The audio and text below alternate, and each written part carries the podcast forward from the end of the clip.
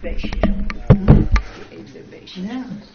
Goed, wij eh, gaan verder en de volgende woorden die wij in Galaten 6 vers 7 vinden, dat is, ehm, want wat de mens zaait, dat zal hij ook oogsten. Dus dat is een natuurwet, hè? wat je zaait, dat zal je ook oogsten. Als jij eh tarwekorrels in de grond zaait, dan zul je ook tarwearen eruit krijgen.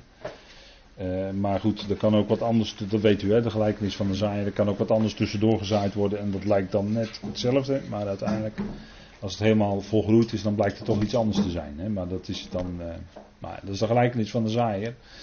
Dat is wel wat anders, want het punt is, kijk, die boze die zaait ook, in die gelijkenis zaaide die boze ook, en dat ging allemaal gelijk op, en dat leek net echt. En dat is het punt, hè.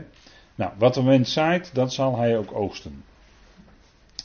En eh, als het gaat om zaaien, hè, dat is natuurlijk, eh, Petrus die noemt dat het onvergankelijke zaad van het woord van God, dat wordt tenslotte gezaaid in onze harten. Is gezaaid in onze harten, dat zaait de Heer in onze harten. Dus de zaaier is eigenlijk degene die het woord brengt. Hè, en het zaad in die gelijkenis is ook het evangelie van het koninkrijk, dat is dan een verschil natuurlijk. Hè, wij volgen het evangelie van Paulus. Maar het zaad is altijd het woord van God. En als het goed is, gaat dat ook in ons groeien. Komt het ook tot groei, tot bloei in ons leven. Eh, zoals Paulus ook zei, van hij was degene die mocht eh, planten.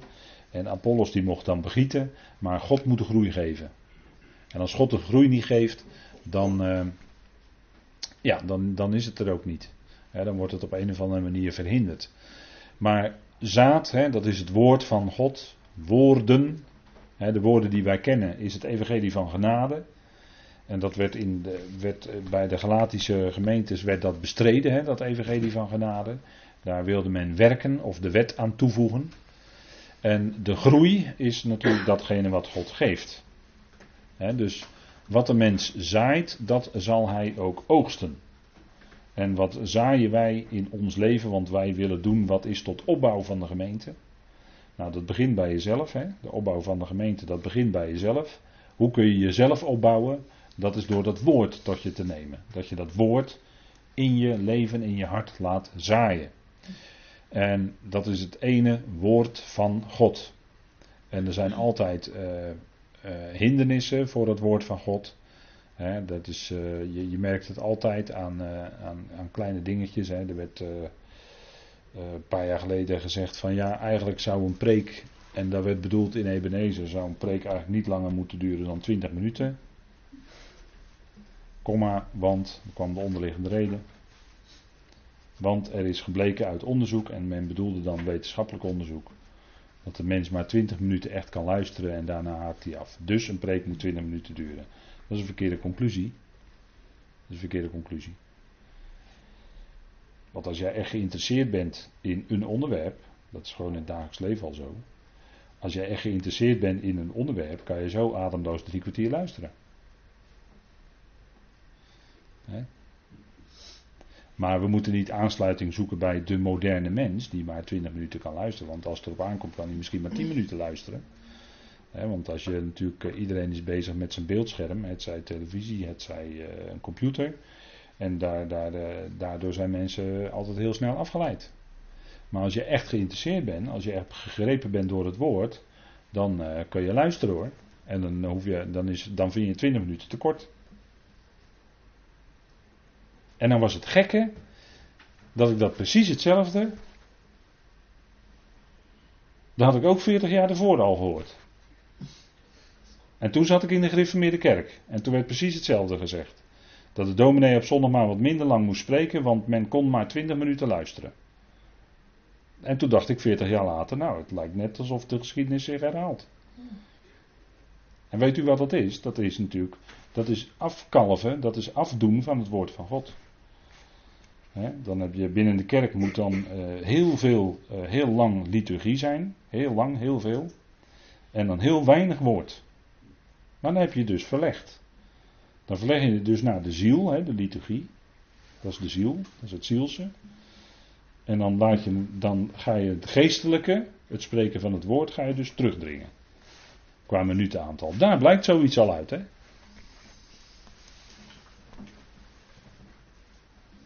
Kijk, als echt het woord gesproken wordt.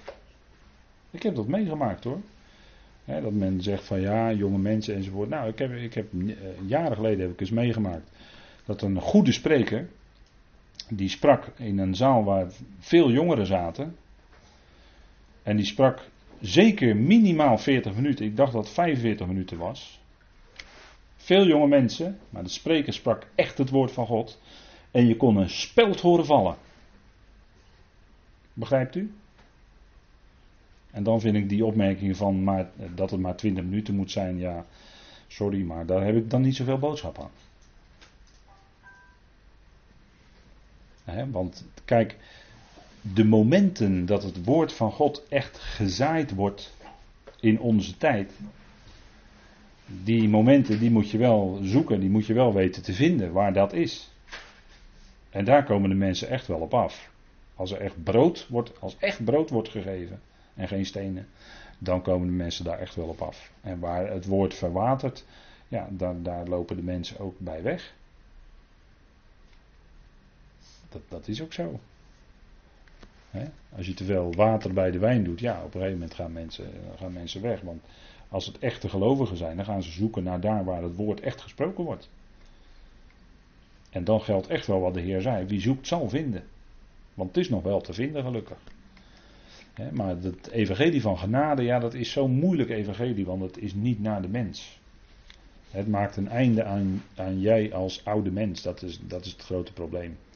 Kijk, want dat, het maakt ook een einde aan je vlees. En daar is Paulus natuurlijk al mee bezig, van, vanuit hoofdstuk 5. Hè, met vlees en geest, die staan tegenover elkaar. En met dat punt komt hij nu ook weer even terug. Hè, want wie in zijn vlees zaait, hè, want wat de mens zaait zal hij ook oogsten. En dan zet hij twee dingen tegenover elkaar. Vlees en geest. Wie in zijn vlees zaait, hè, dat, is, dat wil zeggen op of naar het vlees gericht handelen en leven en doen. Nou, dat kan zowel in je persoonlijke leven zijn. Dat, je, dat je meer zaait in je vlees dan in de geest. En dat wil zeggen, als, je, uh, als jij denkt dat je alleen op zondagochtend met een half uurtje luisteren genoeg hebt voor de hele week, dan garandeer ik dat je uit je vlees verderf gaat oogsten. Dat garandeer ik je. Want daar is Paulus hiermee bezig. Als jij niet serieus neemt als je niet, ook niet af en toe zelf die Bijbel pakt en dus nagaat wat heeft die spreker nou gezegd. Ik ga die teksten eens nalopen, ik ga die teksten zelf eens lezen. En ik ga bidden of de Heer mij dat duidelijk wil maken. Biddend de Bijbel lezen, dat is een heel goed principe. Dan, dan, ga, dan ben je bezig op, in, je geest, in de geest te zaaien. Hè? Maar als je dat aan de kant schuift en, uh, en voor de rest met allerlei dingen bezig zijn, dan, eh, dan loop je een grote kans dat je veel meer bezig bent in je vlees te zaaien dan in de geest. En dan moet je niet gek vinden dat je dan over x jaren uit je vlees verderf oogst, hè, want daar is Paulus mee bezig. Maar daar komen we nog op. Nou, dat kun je doen in je persoonlijk leven dus. Hè, en dat heeft te maken met religieus bezig zijn. Hè, dus, want die gelaten gingen eigenlijk weer terug naar een stukje religie. Hè. Ze gingen onder de wet leven. Ze gingen weer terug naar de geboden van mensen. Naar uh, dingen, uh, dingen doen om. Hè, om iets misschien te bewerkstelligen of wat dan ook. Hè, of uh, zich te houden aan voedselvoorschriften. Of zich te houden aan de, de geboden van, die, die in de Bijbel staan. Hè, of de, de, wet, de hele wet van Mozes. koos je eten. Nou, noem het allemaal maar op. Paulus is er uitgebreid mee bezig geweest in deze brief. Hè, dan kan je dus religieus zijn. En het kan heel mooi lijken. En het kan ook nog uit de Bijbel komen. Maar dan ben je toch bezig op dat moment in je vlees te zaaien. Waarom? Het is weer jij die het moet doen.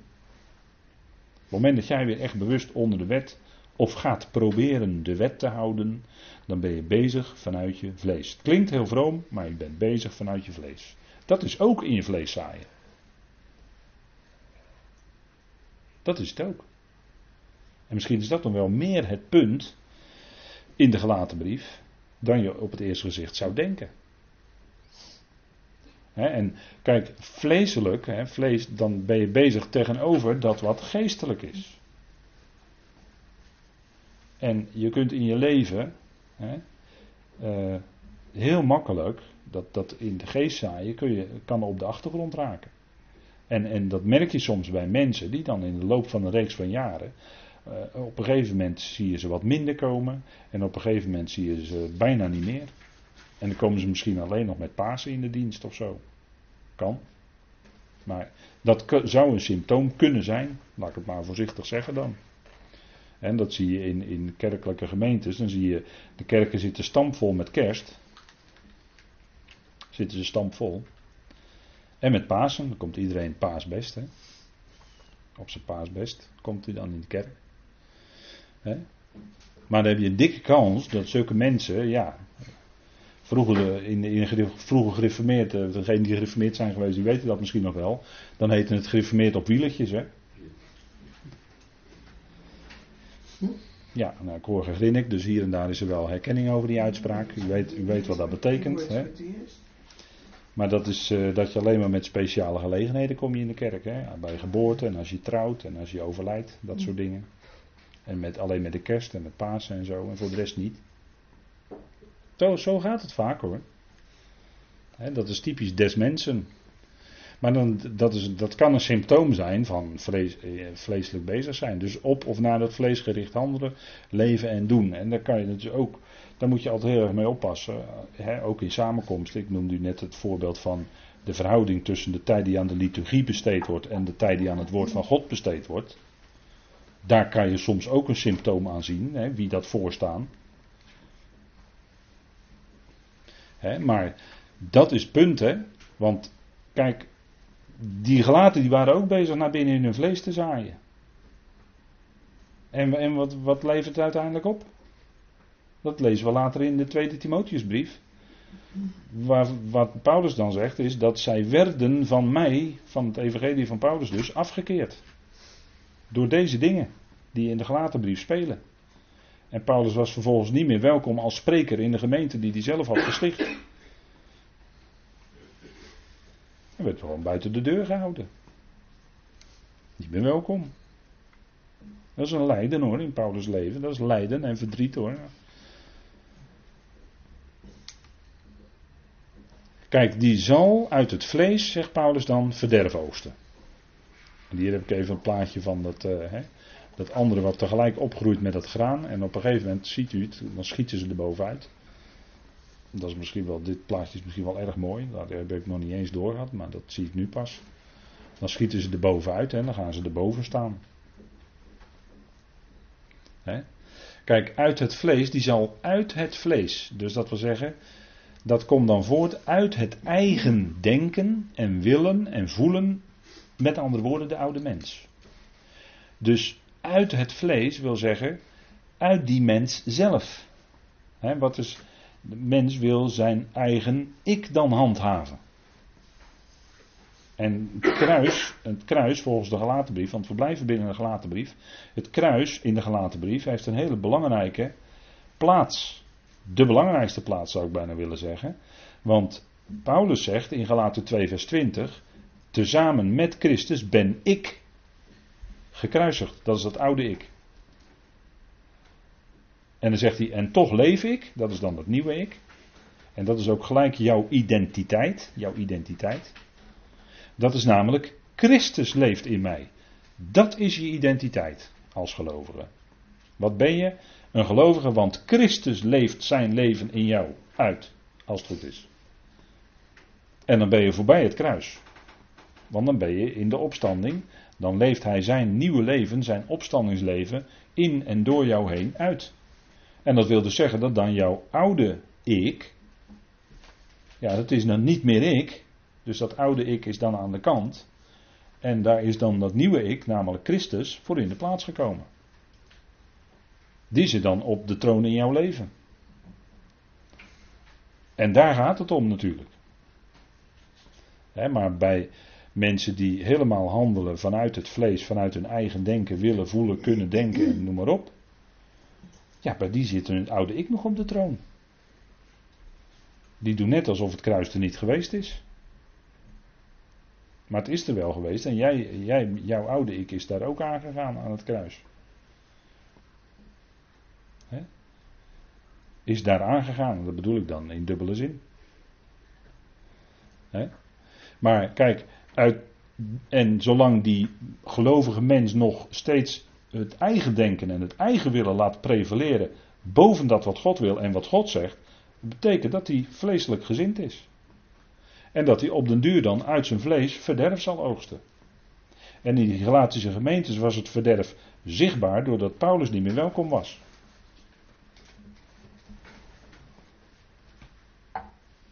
En het verderf was dat ze niet langer in de genade leefden, maar onder de wet.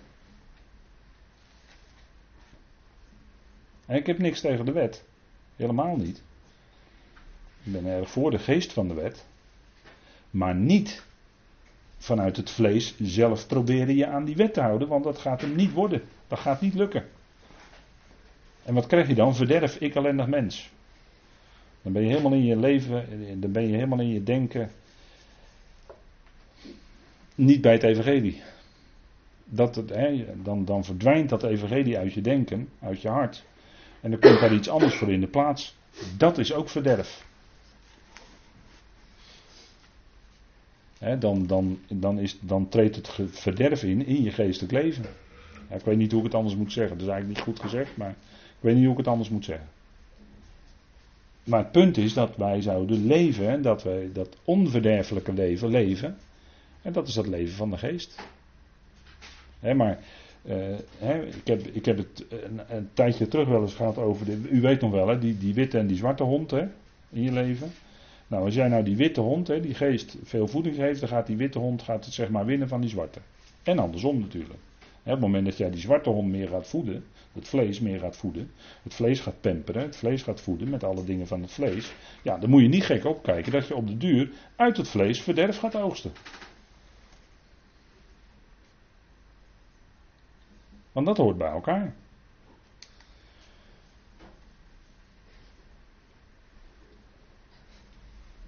en als je nou goede dingen weet mee te pakken, nou, dan moet je om denken. Kijk, en soms dan zeggen, zeggen mensen wel eens als er dan op zondagochtend gesproken is. Nou, ik had er vandaag niks aan. Nou, waarom dan niet? Nou, ik vond dat er niks in zat. Ja, maar hoe luister je dan? Nou ja, ik zit gewoon met, met een Bijbel en dan luister ik de hele tijd. Nou, zou je ook niet misschien af en toe een aantekeningetje kunnen maken? Dan hou je het veel beter vast. En dan moet je gaan aantekenen wat jou nou opvalt of wat je fijn vindt. Vond jij nou dat er wel fijne dingen in zaten? Ja, nou, ik banaan, ik zaten toch wel fijne dingen in. Ik zeg, nou, neem die nou mee. Noteer die, neem die nou mee. Ga dat thuis dan verder uitwerken. Dan zit je heel anders te luisteren. Dan dat je uh, zit te luisteren waar jij de spreker misschien na vijf of tien minuten onderuit kan halen. Als je zo gaat zitten luisteren, dan garandeer ik je, dan heb je geen zegen van de preek. maar als je in de, in de geest wil zaaien, dan zou je ook, voordat je naar de samenkomst gaat, zou je ook kunnen bidden. Of de Heer jouw hart wil aanspreken in dat woord. En dan moet jij kijken wat er gebeurt met je hart, want dan gaat de Heer jou in je hart aanspreken. En dan ga je als een gezegend mens naar huis.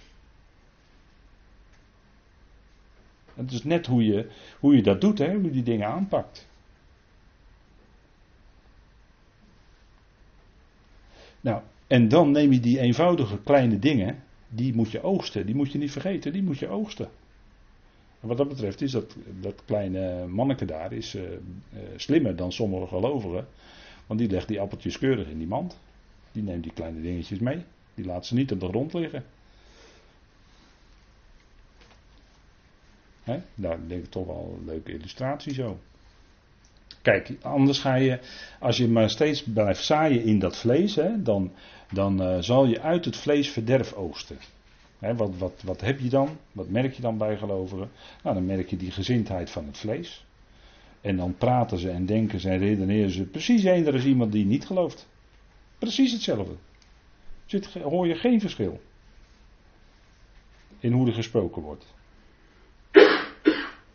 En er worden op dezelfde manier andere mensen eh, belachelijk gemaakt. En dat gebeurt onder gelovigen ook. Maar wordt op dezelfde manier als onder ongelovigen worden mensen belachelijk gemaakt. Ik noem maar een voorbeeldje. maar daaruit merk je gewoon de gezindheid van het vlees. Of hè, uit het vlees verderf oogsten. Nou, Paulus noemt een heel bedenkelijk rijtje hoor in uh, Galaten 5. Werken van het vlees. Hè? Uit het vlees verderf oogsten.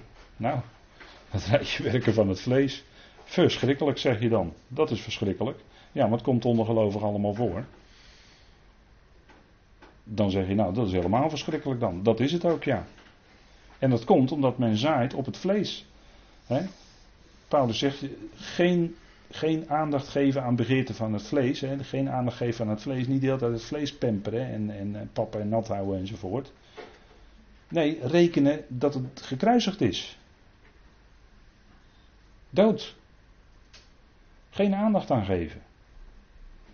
Volstrekt, maar dan ook volstrekt negeren. Dat is de enige manier. En anders, anders glij je uit in werken van het vlees. en, en voor ons, eh, er zijn natuurlijk een aantal dingen zijn overduidelijk, maar ondergelovig, wat dacht u van partijschappen, van twist? Dat wordt helemaal niet meer, eh, niet meer herkend als werk van het vlees. Dat vindt men heel normaal, dat gelovigen tegenover elkaar staan. En uit elkaar gedreven worden. Dat is niet normaal hoor. Het zijn werken van het vlees. Dat is verderf onder gelovigen. En de tegenstander is erop uit om dat maar al te, al te snel, hè, die is als de, als de slang bij om dat aan te wakkeren natuurlijk. Ik kan natuurlijk niet zeggen als de kippen bij, want hij is de slang. Dus hij is er als een slang bij om dat allemaal aan te wakkeren. Hè. Om, de, om, die, om die verdeeldheid uh, verder te, te, te, accentueren, groter te maken. Hè, de gezindheid van vlees uit zich in vijandschap tegen zijn God. Maar vijandschap tegen God is ook vijandschap tegen zijn woord hoor. Dat is ook vijandschap tegen God. En dat kan heel vroom gedaan worden. Maar men kan heel vroom het woord minachten. En dat is ook vijandschap tegen God. Alleen herken je het niet als zodanig. Maar dat is het wel. En dat is ook verderf. Dat is allemaal verderf. Of vijandschap tegen het evangelie. En wat dacht u daarvan? Boze e-mails en boze brieven. Nou, nou. Het is allemaal vijandschap tegen het evangelie. Nou, dat blijkt, dat blijkt de vleeselijke houding eh, zit daarachter natuurlijk. He, 2 Timotheus 1 vers 15, ik heb de tekst erbij gezet. Allen werden in Azië van Paulus afgekeerd. Had te maken met die galaten, die dwaling van de galaten. Ze waren misschien allemaal heel vroom, ze leefden onder de wet, maar Paulus was niet meer welkom. Mocht niet meer spreken. Werd van de sprekerslijst afgehaald. Zo ging dat. In die dagen al ging het. En vandaag aan de dag is het niet anders hoor. Het is nog niet zo heel lang geleden. Iemand die, die, ik, die ik goed ken, van vele jaren terug. Die mocht tot een paar jaar terug overal spreken. Totdat het gerucht rondging dat hij bij de Alverzoeners hoorde. En toen werd hij gelijk gebeld: je hoeft niet meer te komen spreken. Op een plek waar hij 30 jaar mocht, had mogen spreken. Was gelijk gebeld, gelijk klaar. Mag niet meer komen. A la minuut, de een op de andere dag. Zonder bedankje, niks. Predik je dat God de redder is van alle mensen? Je gaat bij de gemeentes van sprekerslijst af. Mag niet meer komen spreken. Kan niet. Zo gaat dat. Dus in de dagen van Paulus was dat al. En dat is nog vandaag de dag nog steeds zo.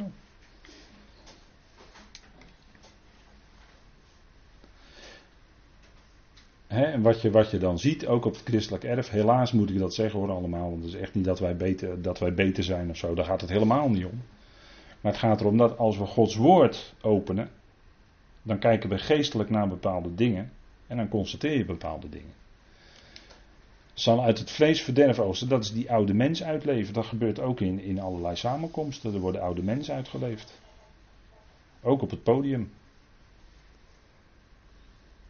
dat gaat dan op allerlei eh, manieren, allerlei boeiend misschien en interessant, dat weet ik niet. Maar...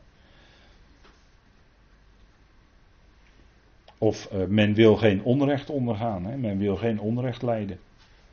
dat als er ook maar iets van kritiek wordt geuit, dat de betreffende kritiekgever ogenblikkelijk voor de rechter wordt gesleept. Gebeurt hoor allemaal.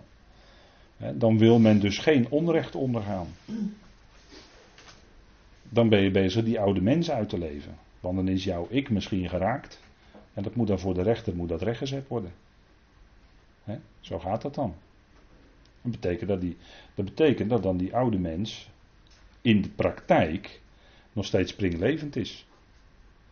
Maar eh, wanneer wij eh, wel dat willen uitleven, dat evangelie, dan, dan betekent dat wij, dat wij onrecht lijden. En dat gaat inderdaad dwars in tegen jouw mens zijn, jouw oude mens zijn. Daar gaat dat dwars tegen in. dat je onrecht leidt. maar kijk, als je het heel plastisch wil zeggen, en een oude, oude leraar van mij op de Bijbelschool die zei dat ook. Van, uh, je, je kan een dode kan je gerust beledigen. Die dode zal echt niet reageren. dat was wel even heel duidelijk gezegd. of een dode kan je tegen ze, iemand die gedood is, die kan je tegen zijn schenen schoppen. En die reageert niet terug. maar als gelovigen zijn we vaak springlevend en als wij dan even geraakt worden, nou nou, dan is het huis te klein. Nee, men, wil, men wil dan geen onrecht leiden, maar ja, dat is wat Paulus ook onderging. En hij zei tegen Timotheus, leid kwaad, leid kwaad, Timotheus, met het evangelie. Dat deed Paulus zelf ook. Die was het voorbeeld. Hè? Kwaad lijden met het evangelie. En God geeft de kracht dan om eronder te blijven staan. En God troost, bemoedigt. Die weet ook dat je eronder lijdt en dat het moeilijk is. En dat er vaak tegenstand is, een tegenslag. Dat je onrecht wordt aangedaan dat je, en dat je onrecht lijdt. Dat weet de Heer ook en die troost je daarin. maar als, als ons onrecht eh, eigenlijk wordt aangedaan, of als wij beledigd worden, dan zouden wij niet terugreageren. Ja, maar je kunt toch niet zomaar over je heen laten lopen? Oh nee. Oh nee.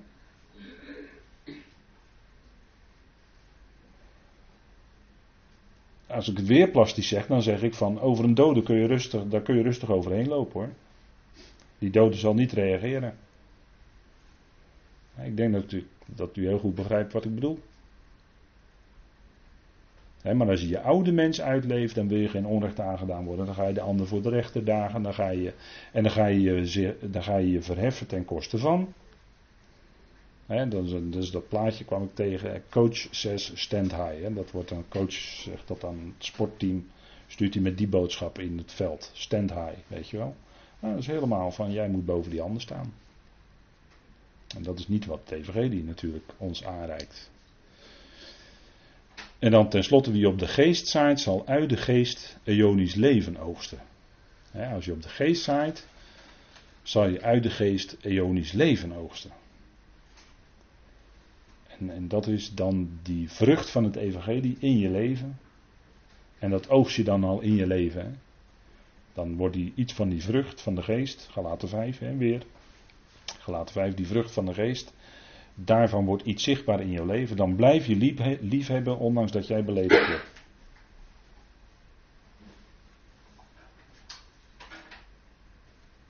want de smaadwoorden die jij misschien naar je toe krijgt, daarvan zegt de Heer, die komen eigenlijk op mij neer. Dat is Romeinen 15. Als ze jou smaden, smaden ze eigenlijk je Heer. En wij zouden daar dood voor zijn. Ik zeg niet dat het, dat het makkelijk is, dat zeg ik niet.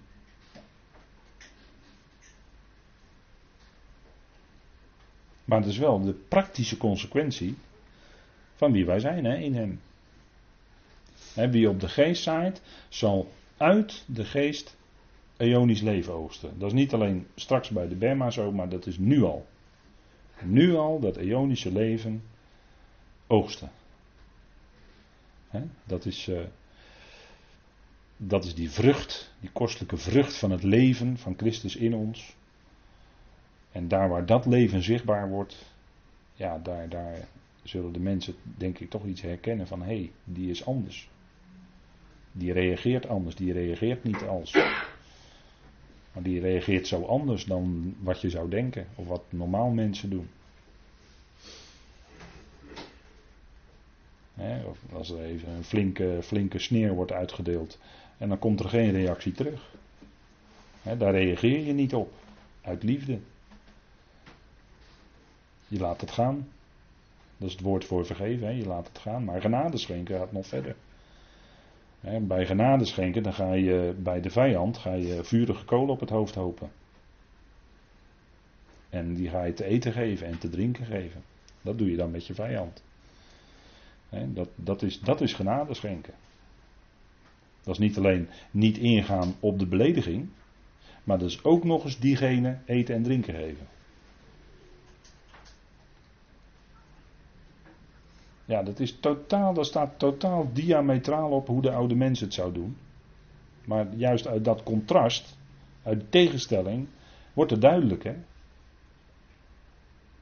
En dan zeg je, ja, dat is bovenmenselijk. Precies, dat is bovenmenselijk. Ja, precies.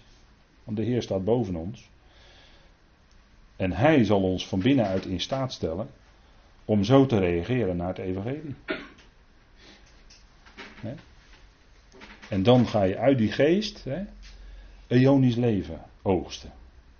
En dat doe je ook als je gaat luisteren met een houding om te ontvangen wat het woord zegt. En je kijkt niet naar de spreker, want de ene spreker spreekt te zus en de andere spreker spreekt te zo. En de andere spreker doet het weer te veel dit en de andere spreker doet te weinig dat. Kijk, als je dat allemaal gaat van tevoren gaat bedenken, ja, dan kan je beter niet, misschien beter niet gaan. Maar je kan ook gaan biddend en gaan luisteren. Dan ontmoet je ook anderen en dan ga je luisteren met een houding van Heer. Wat wil u nou door uw woord tegen mij zeggen? Nou, gebruik daar dan sprekers voor of zo. Ja, ja, inderdaad. Maar het gaat er niet om wie, maar het gaat erom dat het woord gesproken wordt. Dat is belangrijk. En daar ontvang je dan de zegen van. Dus wie op de geest zaait, zal uit de geest eonisch leven oogsten. En dan kom je verrijkt uit de dienst. En niet als onveranderd mens. dus dat is ook die houding. Waarmee ga je, met welke houding ga je op een gegeven moment naar iets toe? Dat kan heel belangrijk zijn, heel bepalend. Nou goed, ik eh, zie dat het tijd is, dus we moeten stoppen. Dan gaan we de volgende keer verder.